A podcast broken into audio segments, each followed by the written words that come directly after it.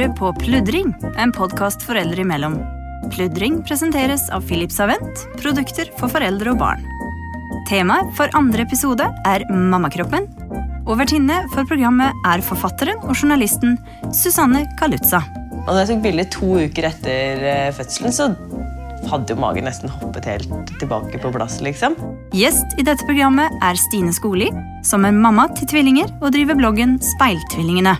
Veldig mange har jo issue med strekkmerker. Eh, Og det å tenke er jo at det er den fineste gaven ditt barn har tegna på deg. Hei, jeg heter Susanne Kalutza, eh, og jeg driver bloggen susannekalutza.com. Og nå sitter jeg her sammen med Tine Skoli fra bloggen speiltvillingene.blogg.no. Eh, I dag skal vi snakke om mammakroppen. Ja. Stine, eh, du har jo to barn fra før av. Du har tvillinger. Ja. Hvor fort gikk det før du fikk eh, mage i graviditeten? Det gikk veldig fort. Ja. Eh, Men jeg var liten. Jeg hadde en liten mage, sa alle da. Selvfølgelig. Det er veldig sånn alle skal kommentere om du er stor eller om du er liten. Og alle mente jo at de var jo dobbelt så store som meg, men bare hadde én. Ja, for det er morsomt, for alle sa til meg at sånn, ja, men du venter tvillinger. Og så var jeg sånn, sju ultralyder sier at det er én. men det er klart, de kan jo ta feil. Ja. Og jeg hadde to, og de mente at det, det kunne jo ikke være to. Men i starten så var det mange som trodde to, fordi jeg fikk veldig tidlig mage. Ja, Hvor mange hadde, uker da? Allerede i 12 uker så hadde jeg begynt å få kul. Ja. Og når jeg var 15 uker, så hadde jeg en, på en, måte en veldig synlig gravid kul. da. For Jeg husker jeg irriterte meg over at den der gravidekulen aldri kom. Ja. Det gikk liksom til sånn uke noen og 20 med førstemann før det så ut som det var noe annet enn at jeg hadde spist litt mye pasta til middag. liksom. Og det er, det er mye finere når man liksom ser at du er Mm. Ja. gravid. da, At ikke du bare rapper deg litt. Den rakk jo aldri jeg på. Ja. Søstera mi hun spurte meg om det. Hun sa at eh, ja, når du blir gravid, så kommer du først til å få en fase hvor du føler at du bare er tjukk. Ja. Og så blir du fin og gravid, og at alle skjønner at du er gravid. Men jeg rakk jo aldri å få den tjukk-fasen, for jeg er jo slank. Og når da kuren kom så fort, så blei det jo bare den der gravidkuren. da. Ja. Jeg rakk jo ikke helt den, for det kom såpass fort. da. Men det er rart at alle føler sånn behov for å kommentere hvordan magene er. Mm, kjemperart. Om de er for store, eller om de er for små, eller eh, det er, jo ikke, det er jo aldri greit å gå bort til en jente ellers, liksom, og Nei, si eh, At du, at du, du er litt stor for snittet, liksom. Nei, det er ikke greit. Så det er veldig rart hvordan eh, det plutselig er greit når en er gravid. Ja. For det er veldig mange som har komplekser for det. Og en ser jo nå hvor mye media det har blitt eh, om fotballfrø. Hvor Ja. liten mage hun har. Ja, det syns jeg er skikkelig ufint, Jenny. Mm. Jeg tenker at eh, hun trener og har magemuskler, og åkke som. Det er vel helt irrelevant hvordan andre menneskers gravidemage Ja, er. liksom. Sånn Kate Middleton. Hun var veldig tynn i graviditeten, men ungen var jo svær lell, liksom. Ja. Så jeg bare synes det blir helt feil både å kommentere at folk får, er, blir store altfor fort, og at det sikkert er to, og å liksom prøve å Fordi det man prøver å si når man kritiserer andres mage for å være for liten, er sånn du tenker på deg selv mer enn du tenker på babyen. Og liksom, du spiser for lite fordi du vil være tynn, og du er egentlig en slem mamma. er omtrent det man sier. Det er jo det hun får mye pes for. ja. Og jeg At ungen at det, må være underernært. og... ja, det handler jo mye om sånn, hvor mye vann, hvor mye fostervann Mm. du har i magen. For sånn som Jeg hadde en gigantsvær kul begge gangene. da. Mm. Og liksom datteren min veide tre kilo. liksom. Jeg gikk opp eh, jeg tror jeg gikk opp 11 kilo eller noe. jeg. Mm. Eh, og, og mesteparten av det gikk jo bort igjen med en gang etterpå. Så legen sa at liksom, i realiteten så måtte jeg nesten ha gått ned i vekt i løpet av graviditeten. Mm. Eh, men jeg hadde bare psyko mye fostervann, da. Mm. Ja, som gjorde at magen ble kjempesvær. Ja. Og det, jeg hadde jo en veldig liten mage. Jeg, hadde li, jeg gikk opp 15 kilo. Ja. Eh, Men jeg hadde jo to inni der, og to morkaker og to fostersekker. Så jeg hadde jo på en måte dobbelt, dobbelt opp. Eh, Jeg gikk jo ikke ut. Jeg, de kom jo syv uker for tida.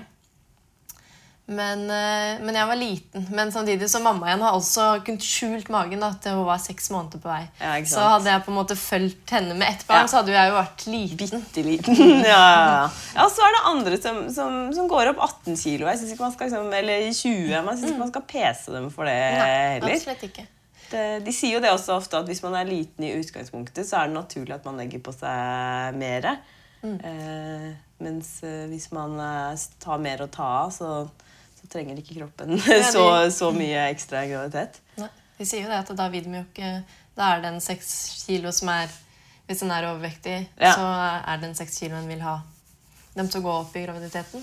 Mammaen min fortalte meg de var jo, Alle tror at liksom, ting er så mye verre nå enn det var i gamle dager. Men eh, jeg har fått masse sånne bøker fra mamma fra hennes graviditet. Og det var, nei, de var veldig opptatt av det med kropp på Ja. sånn 70-tallet også. Så. Ja. Det var sånn Det sto eh, ja, hvor- det sto hele tiden sånn hvor mye du skal ha gått opp i vekt innen den måneden. Altså sånn at Du skal ikke ha gått opp mer enn en halv kilo nå. Du skal ikke ha gått opp mer enn en og en halv kilo nå. Har du gått opp mer enn tre kilo nå, må du passe på hva du spiser. Og mamma var tynn og normal, liksom. Men eh, når hun var eh, sju måneder på vei med søsteren min, så fikk hun beskjed, hun fikk beskjed av legen at eh, alt det går opp over ti kilo, er reine spekket. Så sa jeg, hva gjorde du for noe da når du passerte 10 kilo? For det er jo veldig vanlig å gå opp Ja. mer enn 10 kilo. Det det. Og hun bare, nei, da må man jo bare slutte å spise da. Så jeg bare, ok, greit. det var ikke at de var så veldig mye bedre Nei. for en generasjon siden. Altså. For sånn sier de i hvert fall ikke Nei, leger det- eh, i dag. Nei. Eller de skal i hvert fall ikke si det. Det skal de ikke. Men jeg tror nok det er mange som eh, kan legge seg litt under den at å, nå er jeg gravid, så nå kan jeg spise hva jeg vil. For det Ja. er det jo også det er jo også en myte som sier det. Jeg husker Britney Spears sa det i et intervju at eh, å, hun syntes det var så herlig å endelig være gravid, for da kunne hun stå opp midt på natta og spise Oreo-is eh, rett fra boksen med skei. Så jeg bare Nei, det kan du ikke. fin måte å få sånn svangerskapsdiabetes på. Ja. Men uh, hun er jo en særstilling, for hun har sikkert hatt et ekstremt fokus på utseendet sitt siden hun var barn. Da. Ja. Så jeg unner egentlig henne hvis hun har lyst til å gå opp 40 kilo. Så Ja. vær så god. Ha det fint. Jeg tror det viktigste er at en er eh, fornøyd med kroppen sin sjøl og tenker på at en spiser såpass næringsrikt at du vil føre god næring til barnet som du skal Ja. få til å gro der inne. Ja, det var egentlig det jeg tenkte mest på sånn kroppsmessig i løpet av graviditeten. var egentlig mest jeg må prøve å spise enda litt mer variert Mm. enn jeg pleier. Jeg må prøve å få i meg mer blåbær og gulrøtter og brokkoli Mm. og spinat og alle sånne næringsrike grønnsaker. da. Eh, ja, og kanskje ikke proppe meg med så mye sjokolade. Men, men man er så kvalm i starten, i hvert fall. Det? Ja. Og man blir så oksesulten. Merka du også det? Ja, jeg spiste konstant hele tiden. Rakk jeg å bli litt sulten, så kasta jeg opp. Så Ja. det var bare å spise. Spise, spise, spise. På natta våkna flere ganger, og, og samboeren eh, våkna og lurte på hva jeg drev med, for det er mørke, så hører han bare noe sitter og knaser.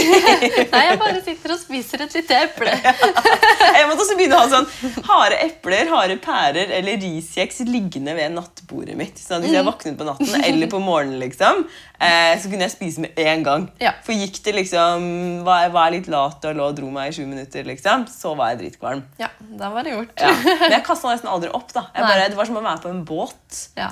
Med veldig store bølger. Non stop i fire måneder. og bare ikke komme seg av. Så det var sånn, Du ligger i fosterstilling og så bare Hva kan ta bort denne kvalmen? Hva? Å, kanskje, kanskje en tørr kjeks. Spiser en tørr kjeks, og bare Fem minutter senere. Nå er jeg kvalm igjen. Hva kan ta bort denne kvalmen? Kanskje noen mandler. Spiser mandler. Jeg spiste alltid to frokoster. Den ene kom opp igjen, og den andre den blei. Så det ble mye mat, men eh, Men ble du sjuk av det? For det liksom, Man kan jo miste mye næringsstoffer Ja, av å kaste opp så jo mye. Ja, men jeg spiste så mye Ja. at eh, jeg, jeg holdt meg egentlig veldig Jeg gikk ikke ned. Jeg gikk heller ikke opp, så jeg holdt meg veldig stabil. da. Hva slags ting var som funka best for å stoppe kvalmen for deg? Jeg hadde veldig sånn dilla på friske epler, for det måtte være frisk smak. Epler synes jeg også var helt tomt. Mm, så, så det gikk veldig mye epler, men også kjeks, forskjellige kjeks og andre frukter som jeg skjærte opp. For det måtte være friskt. Ja. Og det kunne ikke være noe med for mye smak. Da også, Nei, samme her.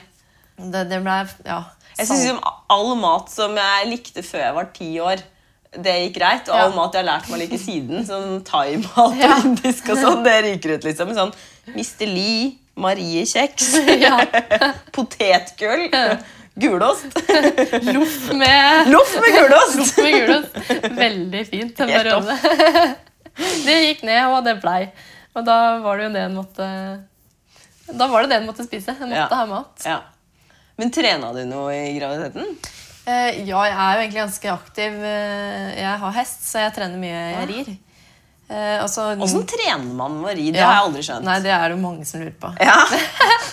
Men det er, det er faktisk sånn at det, det er veldig god trening å sitte opp på hesten, selv om det er hesten Oi. som løper. Fordi du liksom sånn- bruker musklene til å Ja. holde deg fast og sånn. Liksom. Ja, eller du holder deg ikke fast, men du jobber med du jobber, De sier at det er kun svømming du bruker flere antall muskelgrupper i enn i ridning. da. Men kan man ri på hest når man er gravid? Blir ikke det veldig sånn der bumpete for magen? liksom? Eh, Jeg kjenner jo mange som har ridd til omtrent de har født. Men hva sier legen, da? Eh, Men det er ikke den anbefalte spurten, og det er pga. at du kan falle av. Oh, ja. ja. For jeg tenkte at Det er det liksom ikke selve humpinga. Nei, det er fallet. Ja, Ja. Det skjønner jeg. Litt som med klatring også, liksom. Ja. Så det er under en av de sportene du helst ikke skal drive med. Kari Men- Traa hoppet jo i fallskjerm når hun var gravid. ja. Det husker jeg var noen som fyra seg opp over. Men, eh, men hvor lenge fortsatte du å ri, da? Ja, det stoppa seg sjøl, for kroppen sier ifra. Ja. Og det, fant, det lærte jeg veldig godt da når jeg var gravid. At eh, Hvor godt kroppen sier ifra om hvordan den har det, og Ja. hvordan vi skal ta hverdagen. Ja. Eh, Man kan nesten ikke høre på, for det er jo et hav av råd og tips Ja. og hva du skal gjøre og hva du ikke skal gjøre på internett og i andre medier. Nei, Jeg tenker eh, liksom Legen din eller kroppen din er de to du skal lytte på Ja. på sånne ting. altså. Absolutt. Ikke Så- 118 mammaforum. Og, jeg gjorde sånn, og det gikk helt fint. Ja. Så bare, ah, ok. Men Men det var veldig greit, for eh, med en gang jeg tøyde strikken litt langt, så sa kroppen ifra med en gang at eh, nå går det ikke mer. Da fikk jeg vondt i magen. ja. Jeg fikk kynnere sammentrekninger da, av- Ja. i magesekken, eller i livmora, da. Som gjorde at eh, da var det naturlig å stoppe. ja. Men jeg gikk ikke så veldig mange ukene før eh, jeg måtte droppe ridninga, fordi det var smertefullt. ja, ja, ja. Trente du noe annet av resten av graviditeten, eller? Nei, det, det blei lite. Jeg prøvde meg på turer og sånne ting, men det gikk helt fint den, når jeg gikk tur. Men på kvelden, når kvelden kom, så satt jeg med bekkenløsning og kunne jo ikke gå to dager etterpå. Og da, da var det begrensa. Men så fant jeg ut, da, som jeg hadde tenkt på lenge, fordi jeg er veldig glad i å svømme, Ja. eh, men jeg har ikke gjort det på egentlig lenge. Og så tenkte jeg åh, svømme! Det må jo være perfekt. For det kan, jo, det kan jo ikke være den tyngden på bekkenet. Nei, ikke sant? Og belastning ellers. Så, så jeg dro i svømmehall, da. Og så begynte jeg å svømme, og som sagt så er jeg veldig glad i å svømme. Så svømte jeg 500-meteren. Men så syntes jeg det var så gøy, så jeg tenkte ja, ja, 500 meter til kan vel ikke gjøre noe? Og så svømte jeg, så da ble det jo 1000-meteren, da, og, da. og det var jo gjort på 40 minutter. Så når jeg kom opp av vannet da, så var alt fint, men eh, tre dager etterpå så var jo jentene ute. Så hvor lurt det var det. egentlig var. Oi, oi, oi. det, det var nok egentlig ikke så lurt. Jeg fikk jo beskjed om å ta det ganske rolig. Nei, Jeg svømte også en del i graviditet eh, nummer én, husker jeg. Jeg synes det var deilig, for at eh, ja, Du følte deg så- tung, da, sånn som du gjør når du vagger rundt med svær mage til vanlig. Så blir du liksom vektløs i vannet, og så belaster det liksom ikke ett sted, ja, sånn som bekkenet. da. Ja, det var befriende. Jeg følte meg fri. Det var derfor Ja. jeg ikke klarte å stoppe. Det Ja, var så deilig. Ja, Det skjønner jeg. Det gikk jo bra med barna lell, da. Det gjorde det. Men i min, eh, i min andre graviditet så fikk jeg hodepine. Jeg fikk sånn svangerskapsmigrene ganske tidlig. Og så sier legen ja, men du må, få, du må liksom ut fra kontoret ditt hvor du sitter og skriver på en dataskjerm hele dagen. Du må gå turer liksom, og få frisk luft og få bevega deg. Og jeg gikk og jeg gikk og jeg gikk, og jeg gikk, og så gikk jeg på meg bekkenløsning. da. Så det hjalp jo ikke så mye. Og da jeg merka liksom at jeg fikk kjempe, kjempevondt i bekkenet, så da måtte jeg begynne å svømme istedenfor. Og så gikk jeg på sånn bekkentrening og sånn. Ja. Eh, og så sa legen også du må bare lytte på kroppen. Så hvis det er noe som gjør vondt, så må du ikke gjøre det. Eh, men hun foreslo sykling. da. Ja. Og eh, da hadde vist seg at eh, svigerinna mi hun hadde kjøpt seg sånn veldig fancy sånn trimsykkel på TV-shop. For hun tenkte at det, det var kjekt. liksom. Hun har tre barn. Hun så for seg at hun skulle sitte i kjelleren og, og sykle og se på TV. Og så brukte hun den én gang. Og så hadde hun aldri brukt den. Så sånn, den kan du få kjøpe av meg, Susanne. Og så kosta den jeg tror den kosta 4000-5000 ja, eh, ny. Men jeg fikk den for 1000, og så tenkte jeg ok, men det koster jo 100 kroner klippet på treningssenteret nede i gata. Og dit kommer jeg meg aldri til, for jeg har en unge fra før av som jeg må passe på. Eh, på kvelden, Men, eh, men eh, trener jeg ti ganger på den, da, så har jeg liksom trent opp. Og det funka faktisk kjempebra. Jeg sykla ikke noe fort, men det belasta ikke bekkenet mitt. da. Det gjorde ikke vondt. Men jeg sykla jo veldig sånn jovialt skravletempo. Skravla med mamma og med bestevenner Ja. på telefonen. liksom. Eller så på, liksom, så på TV eh, mens jeg sykla. Og da ble det liksom, liksom lystbetont. Og da fikk jeg, da fikk jeg liksom litt bevegelse i graviditeten vel. Og det var, å, det var ikke for å holde formen eller vekta. Det var mest på at jeg tenkte når jeg fikk bekkenløsning, at hvis jeg skal ligge i sofaen i liksom fem måneder nå eh, uten å røre meg, fordi det var vondt å sitte, det var vondt å stå, Ja. det var vondt å gå. Så kommer jeg til å være en glassmanet, liksom. Når jeg er født, da kommer jeg ikke til å ha en muskel igjen. Jeg må prøve å holde meg litt i form, eller sånn prøve å holde musklene mine litt ved like. Så det var egentlig som reddet liksom, omtrent ja, både min fysiske og mentale helse i den graviditeten. For jeg tenker også sånn at uh, Jeg eller trente jo ikke for å holde meg altså, for, Figuren din har du jo mista når du er gravid uansett, så du vil jo ikke se på en måte noen resultater av å stå og trene. Men det å, å være, bevare de musklene en har, Ja. det er veldig viktig for den fremtidige fødselen din, da, som du, som du en gang kommer til å Ja. møte hvis du føder vaginalt. For da er den jo mye sterkere, og en føder lettere enn de Ja. som er svake fra før. Ja. Den har en lettere fødsel, og det er jo mindre sannsynlighet for at du trenger smertelindring. ja. Men hvordan syns du eh, fødselen, eh, fødselen gikk? Du, hadde du keisersnitt, da? Eller? Nei, jeg fødte begge på den naturlige måten. Ja. Eller så naturlig som en tvillingfødsel blir. Ja. Fordi den er jo litt annerledes. Det er mye den- folk til stede, Ja, det er dobbelt mannskap. Ja. så jeg sa det at vi, vi har et fotballag med oss. Ja. Eh, Men det glemmer man jo, så det er jo helt greit. Ja. Man tenker ikke så mye på de. Men man får jo også epidural. Det er, ja, det er en standardprosedyre for Ja. tvillinger. For de må ofte inn og hente ut nummer to med tang, f.eks. Ah. Og da er det greit å ha litt uh, smertelindring i bakhånd. ja. Ja. det hender det blir litt uh, kommers der. Eh, Men mine kom jo med hodet først, begge to. Og det er to minutter mellom de. Yes. Så det gikk jo veldig Wonder Woman, altså! det, det var hun siste. Hun kom ut på første ri. Jøye meg jeg er veldig imponert. Men da var jeg sånn For jeg sa imellom, når jeg var ferdig med nummer én, så sa jeg Jeg trodde jeg hadde tenkt det, men Ja. jeg hadde sagt jeg vil ikke det her en gang til. Jeg, jeg kan ikke gjøre det her en gang til.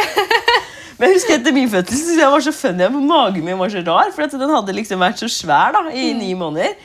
Og så plutselig så var det liksom ikke noe baby der. Så var det liksom tom, men det var liksom, Det var som å kjenne på en sånn vannseng. liksom. Den var sånn der bløt og rar. Det var ikke at den var så svær ennå, men den var jo litt svær ennå. Jeg var sånn, så ut som jeg var sånn fem måneder på hver, eller noe, fordi livmoren er jo kjempestor ennå. Men det var at den var så sånn myk og Veldig myk. mystisk å kjenne på. Ja. Var du forberedt på det, eller? Eh, Ja, jeg var jo forberedt, men du klarer å aldri bli forberedt. Nei. Om man kan si det sånn.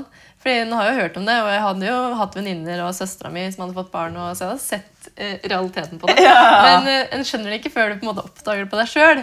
Hvordan det egentlig er. Eh, men eh, det gikk eh, forholdsvis fort tilbake. Jeg, de sa jo det at fordi når en ammer, så trekker livmora seg tilbake. Ja. Og jeg begynte jo å dobbeltamme ganske tidlig. Ja, Så jeg tror kanskje det har noe med at det har gått såpass fort. da. Ja. Men først, Jeg har fått barn, to, jeg har to barn, men jeg har fått de med et tre års mellomrom. Um, så med førstemann så, så husker jeg å være sånn sjokka over hvor fort den magen hoppet tilbake på plass. Eller livmoren, som det vel strengt tatt er. da. For det var liksom, Jeg tok bilder hver uke i, i svangerskapet da, for gøy. Så helt likt bilde mot helt lik hvit bakgrunn. Um, og da jeg tok bilde to uker etter uh, fødselen, så hadde jo magen nesten hoppet helt tilbake på plass, liksom. Ehm, men med andre mann så var det jo ikke sånn, da. og som sagt, jeg hadde ikke kommet opp noe spesielt mer, og jeg hadde jo vært flink og trent i den graviditeten. Det gjorde jeg ikke med førstemann, men eh, da var da, den livmoren var stor så utrolig lenge. Den magen, Det tok så mye lengre tid før den hoppa hoppet tilbake på plass. Og de sier at det tar lengre og lengre tid for Ja. hvert barn. da, Ja, det For hver graviditet. Eh, så, eh, så når jeg var sånn seks-sju måneder etter fødsel, så husker jeg jeg var på Bondens marked, og så gikk jeg og bar min da seks-sju måneder gammel baby på armen. Og så skal jeg til å ta en ost, og så sier eh, hun på Bondens marked Du må ikke ta den! Du som er gravid! Den er upasteurisert! Jeg bare Hva er oddsen for at jeg er gravid jeg nå er en seks gammel baby på? Så jeg bare Det går bra, jeg er ikke gravid. Jeg er visst bare litt tjukk, jeg. Men det fikk jeg mye faktisk i det første året etter at jeg hadde født. Og ja, som sagt, jeg gikk opp en sånn 10-11 kilo, liksom. Jeg trente og var, var i fin form. Men, eh, men den magen tok lang tid å hoppe, hoppe på, tilbake på plass. Altså, hele resten av kroppen var liksom eh, tynn og vanlig. Men eh, så var liksom størrelse 34 i buksebein, og størrelse 40 i buksemage. liksom. Helt umulig å finne noen klær å ha på seg. Det, da, det gikk nesten, nesten litt utover sjøltilliten. Altså. Ja. Følte at jeg så så Jeg tenkte sånn, Er det sånn jeg alltid skal se ut? liksom? Men man får fine pupper, da. Ja, det Endelig. Ja, endelig. Det, det, var, det var det jeg sa. Jeg syns jeg har vært ordentlig fin også. De silikonpuppene, særlig om morgenen når hun våkner Ja. etter ganske mange timers søvn. Det er, litt søl. Det er det jo. Det blir litt lekkasjer. Men visuelt sett så er det veldig fint. Det er veldig pent, veldig pent å se på. Men uh, det varer jo ikke evig, da. Nei, det er veldig kjedelig. Kanskje jeg skal, Hvis jeg får et barn til, skal jeg amme det til de er sånn 18. Ja. Bare for at jeg vil holde de Bare pumpe litt sånn et Ja. par ganger om dagen. Bare for å holde det ved like. Det er veldig deprimerende, for du ammer kanskje ennå, gjør du det? Nei, jeg har faktisk slutta. Det er Ja. lenge siden. Ja. Fordi at når man slutter å amme, det er, da, det er jo da man får den Å ja, jeg hadde ikke egentlig D-kopp-pupper til, til vanlig. Dette var veldig irriterende. Det er litt, eh, det, ja, det blir en litt sånn annen hverdag da, ja. Når jeg sluttet å amme, og puppene mine krympet tilbake til normale størrelse etter sånn eh, eh, årevis med å ha hatt store, fine Jeg hadde faktisk besøk av en venninne på barsel. Eh, og hun har silikonpupper. Og dette var to-tre dager etter fødselen min. Og vi tok sånn funny bilde, fordi mine pupper var så mye større enn hennes. Ja, ja. Bilde av utringningen vår. Men uh, når jeg fikk de tilbake, da, de krympet tilbake på plass da jeg var ferdig å amme, så, uh, så måtte jeg ut og kjøpe meg dyre BH-er. Da gikk jeg ut og bare kjøpte meg kjempedyre, fine BH-er for å liksom veie opp for, uh, for tapet. Det var lurt. Og så ble jeg gravid igjen, og så vokste de tilbake på Ja, plass. ikke da. Men jeg syns du var kjempeflink som i det hele tatt prøvde å amme. Ja da, jeg har jo jobba veldig hardt for det, så jeg fullamma de i tre måneder. Og så måtte de få tillegg, men jeg har amma de fram til de ble da nesten seks måneder. da. Det er jo helt, det er jo helt sinnssykt at det går an, tenker jeg. Du, Ja, jeg har jobba hardt for det. Fikk du gjort noe annet enn å amme og pumpe? Nei, jeg amma de hver andre time, og i tillegg pumpa meg fire-fem ganger om dagen og på natta. Så jeg har jobba, for jobba for at de skal ha den melka. Herre min hatt. Ja, det er veldig, veldig imponerende, altså. Ja. Så, Jeg tenker at Får man ikke til det, så, er man, ja, så skal man ikke banke seg sjøl opp. For det er Nei, helt absolutt ikke. bra Og det er mange som velger å ikke bruke så mye jobb på det, og Ja. det respekterer jeg absolutt. Ja. Eh, For meg var det naturlig å gjøre det på den måten, og i og med at den eh, det starta nok med det at jeg var tre uker på sjukehuset når Ja. jentene var født. Ja. Eh, Og da hadde jeg jo uendelig mye tid, fordi Ja, du får ikke gjort så mye når du er på sykehuset. Altså, senga blir på en måte bytta på, Ja. oppvasken din blir tatt. Så. Noen lager mat. Det er veldig deilig, egentlig. Ja, det er veldig, veldig deilig akkurat det. Og tenk at det er gratis. Jeg elsker norsk helsevesen. Ja, helt fantastisk. Helt fantastisk. Så da, da blei det Det var eh, stell hver tredje time på jentene, og så var det å amme etter det, nei, å pumpe etter det. For de eh, lå jo med sonde, fikk mat nei, med sonde. For de var for små til å spise sjøl. Så da var det pumpe, pumpe, pumpe. Og altså begynte jeg å legge de til, men det var ikke så mye de tok da av gangen. Så det var eh, pupper eh, Det var som samboeren min sa, at eh, det var han hadde liksom mista det der puppeperspektivet han hadde Ja. før. For det var jo pupper overalt! og det var jo det i alle Ja. størrelser og fasonger. Det er veldig morsomt. Men jeg mister veldig det der puppesynet òg sjøl Ja. når en får barn. Det blir et matfat. Altså. Det, Ja. det forandrer seg, det synet. Men eh, hvor lang tid etter fødselen tok det før du liksom ja, for eksempel begynte å ri igjen, eller eh, begynte å Jeg satte bort testen min eh, var det en måned, ja, en måned før jeg fikk jentene. Ja. Eh, og så kom hun tilbake to måneder etter de var født. Ja. Eh, så da begynte jeg å trene henne igjen. Ja. Eh, men det var ikke så mye, for jeg satte henne på sommerbeite, så hun kunne få litt mer fri. ja. Men, men jeg begynte som smått å trene etter seks uker. Det gjør jeg, For det er jo det som er anbefalt etter Ja. seks uker. Og da følte jeg jeg følte sjøl at jeg kunne begynt før, for jeg var veldig sånn til å kjenne på magemusklene, og- jeg kjente at de falt på plass igjen. Ja. Så det var veldig sånn morsom greie. Jeg kjente når de sprakk fra hverandre under graviditeten. ja. Eh, For jeg leste det på en av de gravid-appene som man får lasta ned. Så mye av magemuskler har jeg aldri hatt. Så da, det var, en, eh, det var en morsomt fenomen når en kjente at de trakk seg utover. Eh, Så jeg kunne nok Jeg følte at jeg kunne begynt før, da, men eh, så var jo Ja, jeg hørte på råda og begynte å jogge litt da når jeg var seks uker på vei. For meg ble det mest trilleturer. Ja. Det er jo mye mye trim og frisk luft, liksom. Bare å gå Ja. og vogge på inn når de skal sove. Absolutt. Så med, ja, med førstemann så det, trente jeg ikke noe. Det var, det, det var trilleturer, liksom. Ja. Men det holdt i lange baner for meg, liksom. Mm. Eh, og med, med andre mann så hadde jeg jo denne trimsykkelen. Ja, ja. Så det funka jo funka fint å ha den og sykle litt på når han sov eh, eller lå happy og gurgla i babygymmen. Jeg husker eh, Det var så gøy rett etter at eh, ungene var kommet ut. så følte jeg meg jo så tynn og vakker som aldri før. Puppene hadde vokst, Ja. og magen var flat. Og jeg følte meg så fin. Og så ser jeg jo nå på bilder som jeg, Vi tok nyfødtbilder, Ja. eh, og da tok vi om med liksom alle oss fire. Og da ser jeg jo at jeg hadde, jeg hadde mye kraftigere armer, fordi jeg hadde jo vann i kroppen Ja. som ikke var blitt helt borte. Men som jeg ikke så da, men som jeg kan se nå i ettertid. Ja. At jeg var mye større da enn det jeg er nå igjen. da. Men det er en grei lærdom, fordi det går bort av seg sjæl. Ja, det gjør det. Man skal liksom ikke stresse så mye med det. For at det ja, sånn som den eh, Magen min den poppa jo på plass av seg sjøl. Med førstemann gikk det fort, og med andremann så tar det lengre tid. Og med, ja, nå har jeg vært gravid seks ganger. da. Jeg har mista noen ganger. Men eh, jeg merker jo at jeg får, jeg får mage veldig veldig fort. Og jeg er forberedt på at, eh, at uh, hvis jeg får et barn til, så vil det sikkert ta enda lengre tid før den hopper tilbake på plass. Men nå veit jeg at den gjør det. Ja. At ikke jeg må liksom stresse og angste og gjøre masse greier sjøl. Fordi det, det er naturlig at man er breiere liksom, under puppene. Kroppen lager et ekstra lag med fett så lenge man ammer. Eh, ja, Livmoren er større, bekkenet er breiere. Tar tid før det hopper tilbake på plass også. Ja, så tror jeg det er viktig å tenke på det at en, eh, For nå er det jo veldig sånn at du skal omtrent være like slank som det du var før du ble gravid. Ja. En uke etter du har fått dem ut. Ja. Og det er jo veldig galt å tenke sånn, for en skal jo tenke at du har jo faktisk brukt ni måneder på å vokse deg så stor. Og da må du også tenke at kroppen trenger like lang tid på å komme seg tilbake til den gamle figuren din. Ja. Så i hvert fall la det gå ni måneder Ja. før du begynner å tenke at eh, uff, nei, nå får jeg ta et ekstra tiltak for Ja. å bli i bedre form. da. ja, det tror jeg du har helt rett i, Stine. Jeg leste et intervju med Heidi Klum, og hun, hun tyske supermodellen, og hun sier det. Det tar ni måneder å få den da magen, og minst ni måneder å få Ja. den av igjen. liksom. Og det er jo ikke det at du trenger å, å Det trenger jo ikke være det at du har blitt noe særlig mye større. Sånn som for min del, Jeg er jo ikke noe større Jeg ser ikke noe kraftigere ut. Nei. Men huden min er jo slappere enn det den var før jeg ble gravid. Og det er Ja. jo helt naturlig. Ja. Og jeg må jo da kunne bruke Min graviditet var- varte jo da bare i sju måneder. Ja.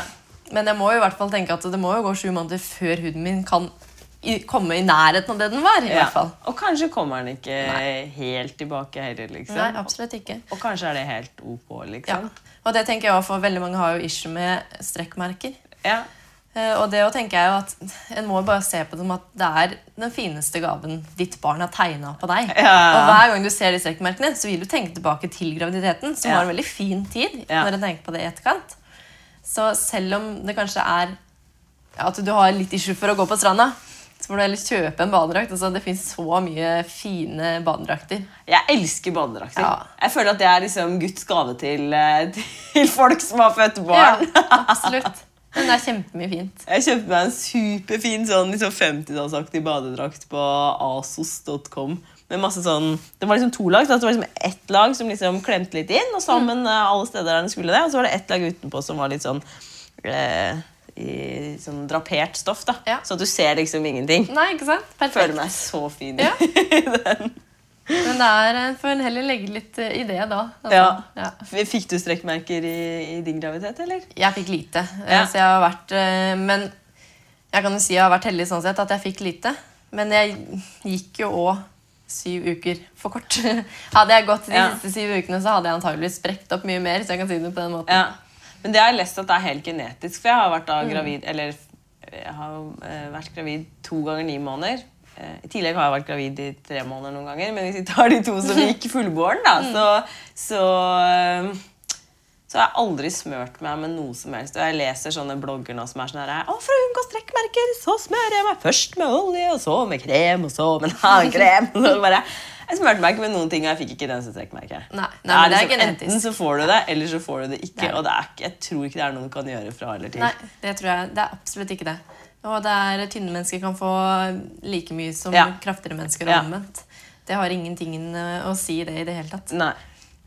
Men det jeg har hørt også er at hvis du har mye underhudsfett, så sprekker huden lettere opp enn hvis du ikke har det. Det, Men det er jo ja, det er mye myter, og det er mye kremer. Og de, de sier jo det at eh, de fleste kremene det er, vel, det er vel kanskje mest for at du skal tro det sjøl. ja. For En ting jeg synes er viktig å huske på, er at det, det er ikke meningen at kroppen vår skal se ut som vi er 19 år hele livet. Nei, det er ikke det. Hvis vi tenker på mammaene våre, liksom. De så ikke ut som, eh, de så ikke ut som tenåringer når vi var barn. Og det er liksom ikke meningen at eh, puppene våre skal være eh, høye og faste og store, og magen vår flat og stram liksom, når vi er, er har jo- født eh, to barn eller tre barn. liksom. Det er jo ikke naturens gang. Og en ser jo det. Det er jo ikke mange som, som klarer å holde den figuren. Og en må heller være fornøyd med at eh, Sånn som meg sjøl, så tenker jeg det at nå, nå som jeg igjen har slutta å amme, så begynner jo puppene mine å krympe sammen igjen. Ja. Men jeg ser jo det at jeg, jeg føler egentlig at jeg har blitt mer voksen. Ja. Og er tilfreds med det, fordi at jeg har fått en mer voksen figur på kroppen min. ja. Og det syns jo jeg er positivt. Jeg føler også at jeg har fått et annet forhold til kroppen min etter graviditeten. Rett og slett for at jeg, jeg blir så imponert over hva den klarte. da. Ja, Den har liksom grodd fram et barn. Ikke bare hvilket som helst barn, men eh, de to mest fantastiske barna jeg kjenner. Inni og vært hus for den, og nære av de, og vært et trygt hjem for de, liksom. Og så født dem, og så mata dem i månedsvis. Ja, det er jo helt fabelaktig. Ja. Og da, da kan du liksom ikke drive og hate på kroppen din og piske den i form og liksom eh, ja, kjefte på den for at den er for slapp her eller for stor der. liksom. For det er sånn, den, den kroppen har faktisk gjort en kjempejobb. Ja. Av hatten litt for den. Ta så Klapp deg sjøl litt på skuldra. Absolutt, ja. Ta- med magen og ikke hat den. Absolutt. Jeg tror det er veldig viktig å, uansett hvilken figur en har, men å være fornøyd med den kroppen den har. Ja. Og heller ja, gå til noen som kan om styling, og få klær som passer din figur. Ja. For det Og- har så mye å si. Om du bare finner klær du selv føler deg vel i, så føler du deg som verdens fineste selv om du er kort eller lav eller tynn eller smal. Det er det samme med mammaklær under eh, graviditeten. Jeg synes eh, Det er sånn en herlig følelse å ta på seg eh, å ta på seg en mammabukse som passer. Ja. Jeg tror du liksom klemt deg inn i sånne vonde, stramme Absolutt. bukser som er altfor stramme i livet for deg nå.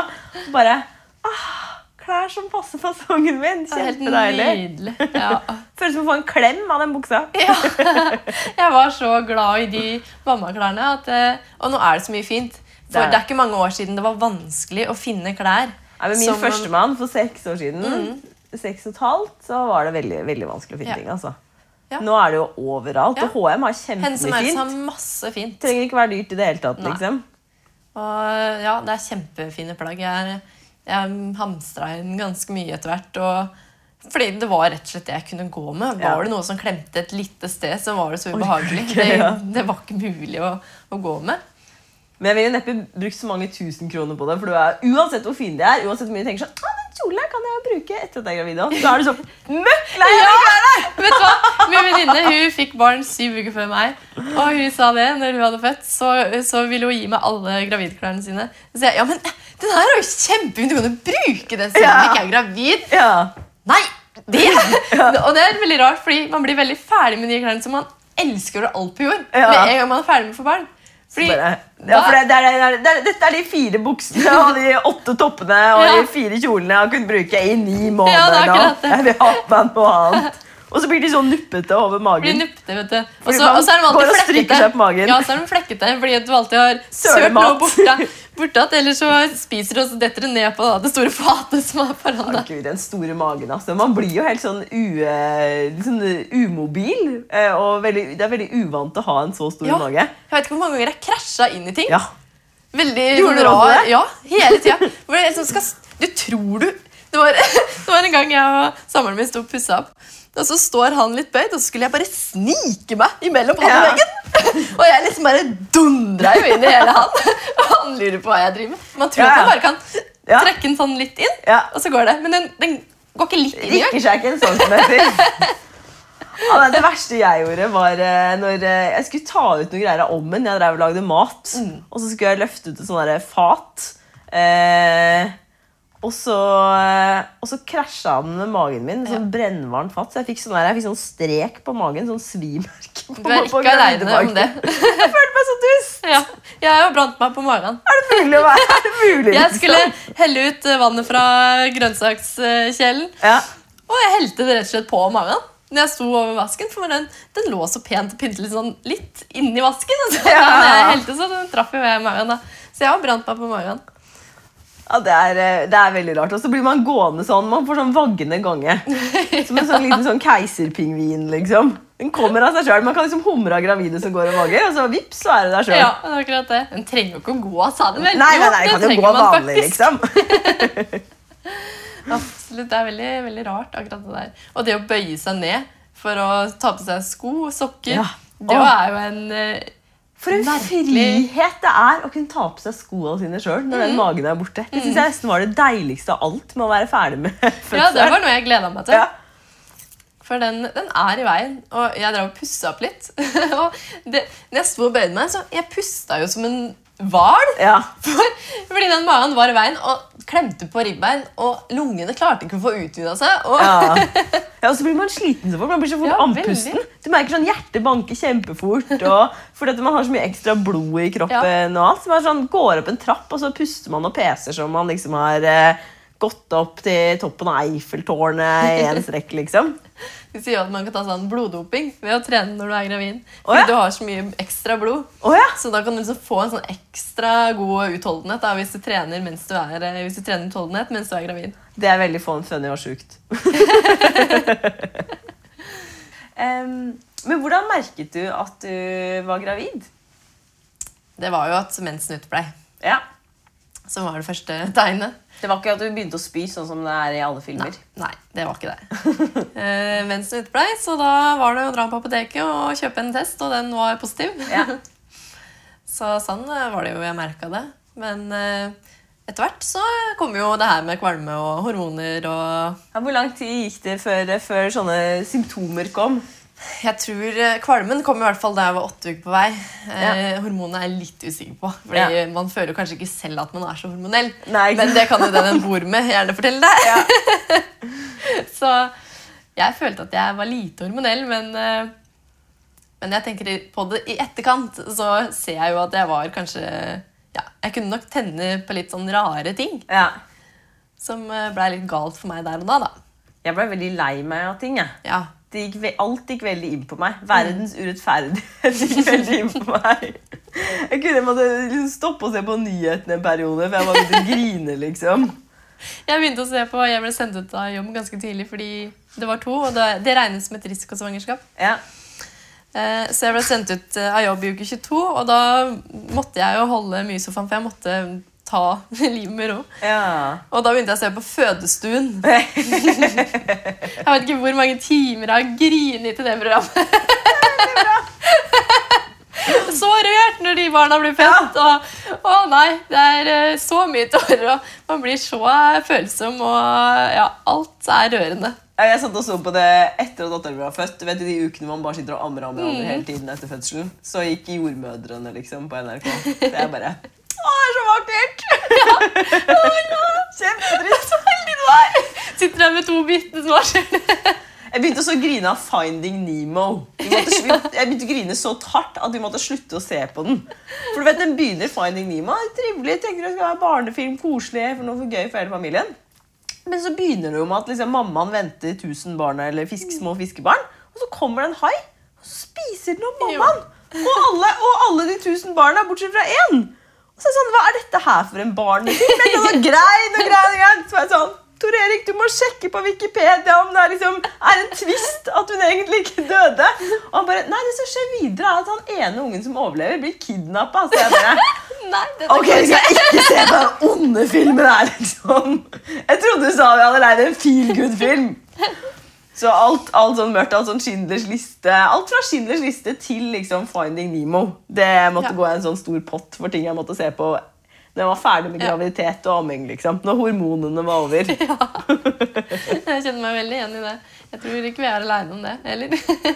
Nei, det er, eh, det er merkelig. Og så er det det med håret, da.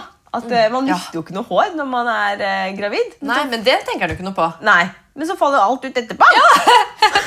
Og i tillegg da, Jeg har alltid hatt sånn kjempefint og rett hår. Ja. Men nå har jeg fått masse krøller i bakhuet, og det skjønner jeg ikke helt uh, poenget med. Og hvert fall når det er bare bak. Ja, for det har jeg hørt. Det har hørt skjer. Ja, Og at folk som, ja, folk som har krøller, får slett hår Ja. plutselig etter en graviditet. Og så blir det gjerne mye mørkere.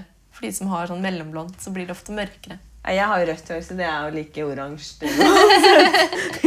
men, men, eh, men jeg husker at eh, etter fødselen så mistet jeg så mye hår at jeg kunne liksom våkne opp og så lå det masse hår på, på puta. liksom. Og så får du sånn der, du får sånn fødelugg, liksom. Oh yeah! ser ut som du har vært med kjøkkensakta. skamklipp panneluggen sjøl. Du er sånn seksåring som skulle klippe pannelugg på deg sjæl, liksom. Hva er det for noe? Masse hår som da begynner å vokse ut igjen. Det blir som en krans rundt Ja, hodet. ja. Og, så, og så vokser fordi du mister alt håret samtidig, og så vokser alt ut igjen. Så når det vokser ut igjen, så får du en hel sånn, der, ja, sånn krans som er sånn tre centimeter lang på toppen av øyet. Ja. Da ser du veldig smart ut, liksom. alltid. Du, får- du får ikke lagt det ned. Nei. Det, da følte jeg meg litt dust, faktisk. Når det alltid, Jeg skulle å sette opp i hestehalen, så var det alltid sånne fjoner som stakk ut. liksom Som sånne små horn på hver side av hodet mitt. liksom Men jeg så bryllupsbildene til Katie Holmes og Tom Cruise. De giftet seg i Italia eh, ganske kort tid etter at hun hadde født eh, Suri. Og da hadde hun sånn en liten pannelugg. Hvis du ser på de bildene, så har hun en liten sånn fødepannelugg som helt sånn åpenbart ikke er meningen at skal være der på alle bildene. Det syns jeg var litt sjarmerende. Ja. Det rammer jo alle, liksom. Så det er veldig sjarmerende. Det er veldig irriterende for seg sjøl, men Ja. det er veldig sjarmerende når en ser det på andre. Ja, ja, ja. Det er ja. kjempesøtt. Ja, Ja, ja. Venninner som har sånne små pannelugger fordi de akkurat har fått barn. Men det er liksom i kategorien ting du ikke får høre om Ja. eh, av, ja, før, før du opplever det sjøl. Absolutt, Og der, det er mange av Ja. de. Det er mye en ikke får vite om før en sitter i det sjøl. Det er veldig veldig sant. Jeg for eksempel, trodde jo veldig at jeg skulle merke at jeg var gravid ved at jeg spøy. Sånn som jeg har sett i alle filmer, alle amerikanske komedier Ja. i hele oppveksten.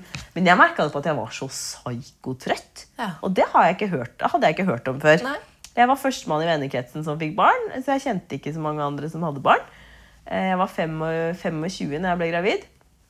Og, eh, og eh, jeg var trøtt helt Jeg kom hjem fra jobb, liksom. Og så måtte jeg bare legge meg på sofaen, og så gikk jeg og la meg klokka seks. liksom, og så over rundt, seks og sju. Jeg var helt knekt. Det var ikke snakk om, liksom. Og jeg husker jeg var en tur i Paris bare sånn rett før jeg fant ut at jeg var gravid med en av bestevenninnene mine og, og mannen hennes og mannen min. Og hun bare 'Sus, å, nå skal vi ut og spise! Så skal vi stikke en sånn superkul eh, bar som en av de siste scenene i Sex og singelliv spilte sånn.' Så jeg bare 'Jeg tror jeg må gå tilbake på hotell og legge meg'. Og etterpå så sa venninnen min sånn, det var da jeg skjønte det var noe, det var noe rart. Når du ikke vil dra på en kul bar, da, eh, da er det noe som er er annerledes med Susanne. Ja. jeg, husker, jeg tenkte sånn at den dagen jeg blir gravid, så tror jeg, da bare veit jeg det. Ja, det. Det må man jo bare vite når du vokser inn i den. Det må man jo bare vite. Det kommer bare sånn slående, og bare Å, barnet mitt. Men det gjør jo ikke Nei. det. Jeg, jeg tror ikke jeg skjønte at jeg var gravid jeg, før de var ute. Da skjønte jeg at det var to barn. det er sant. Det er Man skjønner ikke det. Man skjønner ikke at det dreier seg om et barn. Men faktisk man, eh, i hvert fall jeg tenker at med første graviditet så tenker man fortsatt at det handler om seg sjæl. Det var det jeg synes var kanskje den største endringen. At du tenker sånn, Hvordan vil jeg føde? Hva er riktig for meg? liksom? Hvordan... Ja. Og så når ungen er ute, så skjønner du, det er vel helt irrelevant hvordan den ungen blir født, så lenge den kommer ut levende. Om jeg, om jeg måtte sagd av meg en arm med neglesaks liksom, for å få den ungen ut, så er vel, så er vel det, det, det ville jeg gjort det med et smil om munnen. Ja, det har jeg klart det. Om du føder i vann eller hjemme eller sånn eller slik, eller med den musikken eller ikke. Eller om du har med deg fine klær på føden, liksom. Whatever. Bryr seg ikke så mye om det. Nei. Jeg også, hadde et veldig sånn for- bilde på hvordan fødselen skulle foregå. Mm. Jeg hadde lyst til å føde i vann. Jeg skulle ikke ha smertelindring. Ja. Jeg skulle ha det veldig sånn naturlig og fint. Men eh, der lå jeg med et uh, fotballag og et mannskap. Ja, og jeg hadde en mannlig lege som tok imot nummer to. Og Ja. jeg hadde ikke noe badekar, for å si det sånn, og epidural var satt. Og Jeg grudde meg litt til det, at man skulle være sånn naken for masse folk man ikke kjenner. Men det det er mange altså gjør. sjokkerende hvor fort man blir vant til det, egentlig. Kjemperart, men det tror jeg er et issue for mange. Ja. Mange gruer seg til fødsel fordi Ja. de nettopp må være nakne. Ja.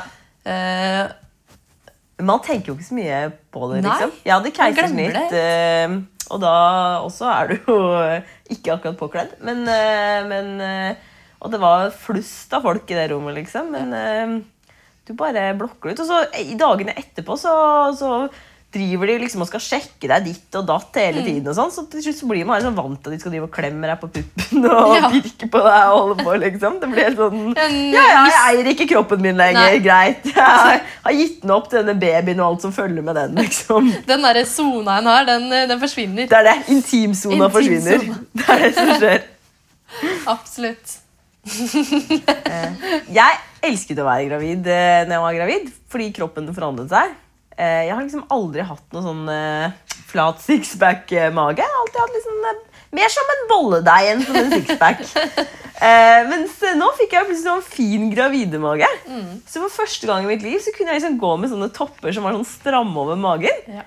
Og, og på stranda så kunne man ha på seg bikini uten at man måtte gå og holde inn magen. Det korrekt. For det gikk jo ikke. Så man Du kan til og med sitte litt sånn framoverbøyd. ja, ja. Og så, og så liksom puppene var store, alle sa liksom at magen var flott. Og jeg, jeg har aldri følt meg så fin i bikini som, uh, som når jeg var gravid. Nei, jeg har aldri vært så stolt av kroppen min som da jeg var Nei. gravid. Jeg følte jo at jeg kunne gå rundt naken, egentlig. Og bare se på meg! Ja. Se så fin jeg er!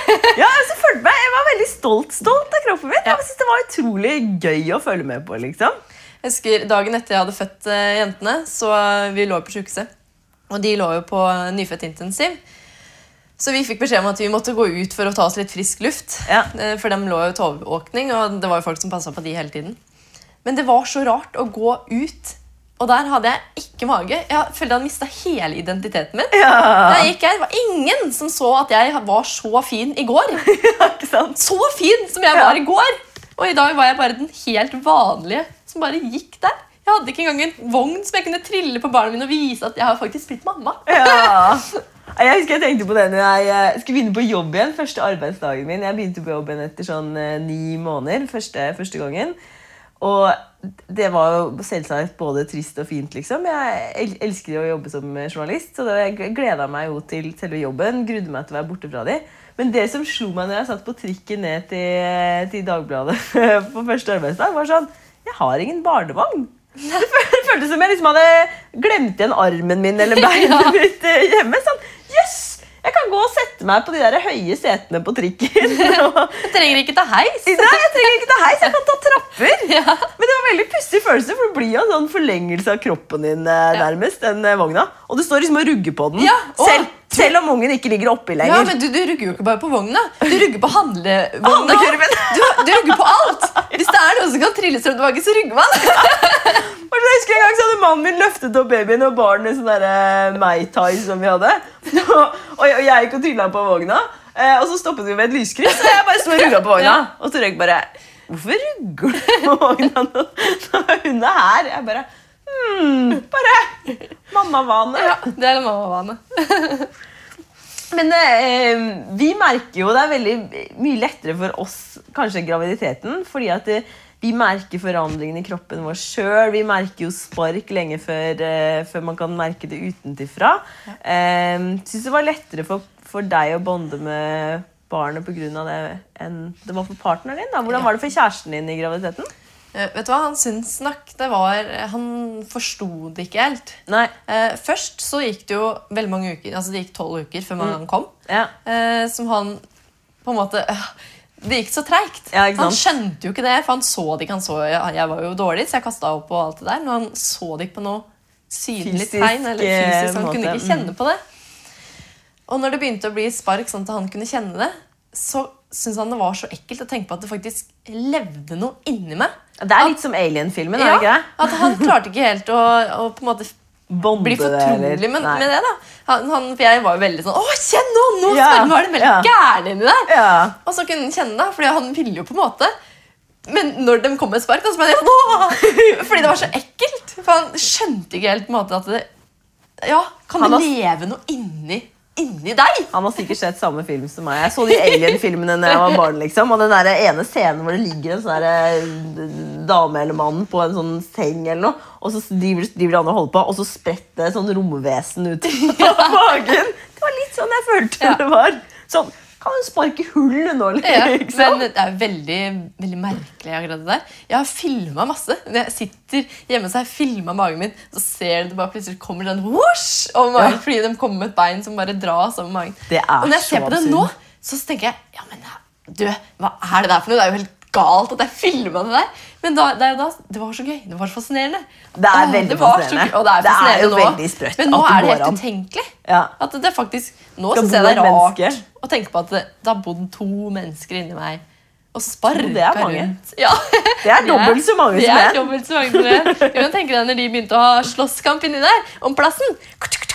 Det var Jeg driver og sparker hverandre og sånn. Ja, så dere på liksom? Ja, ja. Får den ene plutselig sånn der fot i kjeften, liksom? rumpa i ansiktet og Tvillingers intimgrenser må bli litt annerledes. Den er litt andre, annerledes. Ja.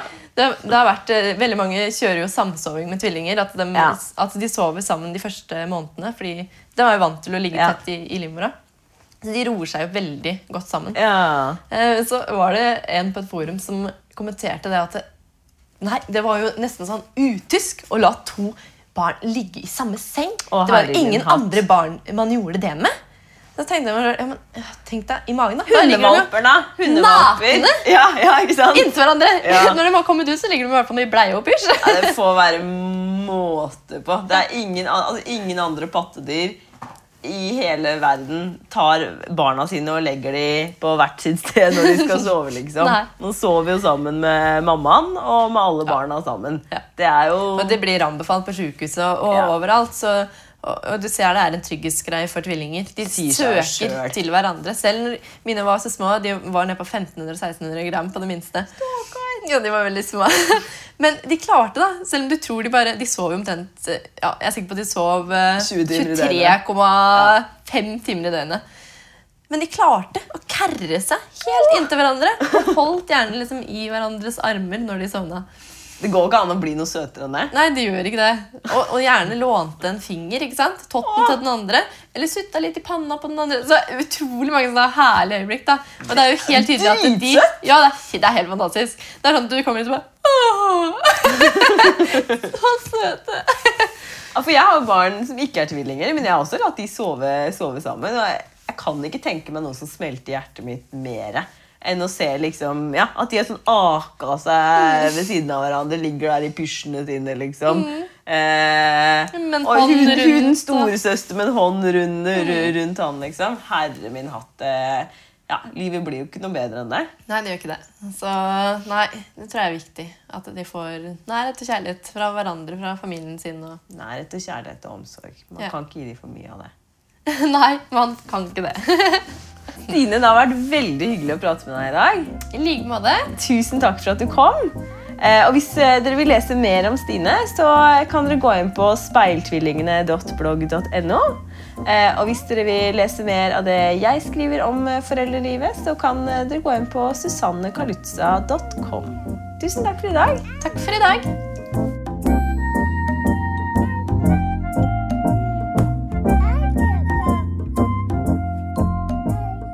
Du har nettopp hørt Pludring, en podkast foreldre imellom. Pludring presenteres av Philip Avent, produkter for foreldre og barn. I neste episode møter vi Stine Skoli, som du nettopp hørte, med Linn Thorsen Mikkelsen, som driver bloggen Malindus. Dagens tema handler om å bli mamma for første gang og det å få søsken. På vår Facebook-side får du tilgang til bonusmateriale, muligheten til å stille spørsmål til deltakerne, og være med og påvirke innholdet i neste episode. Gå inn på facebook.com slash philips.avent.norge.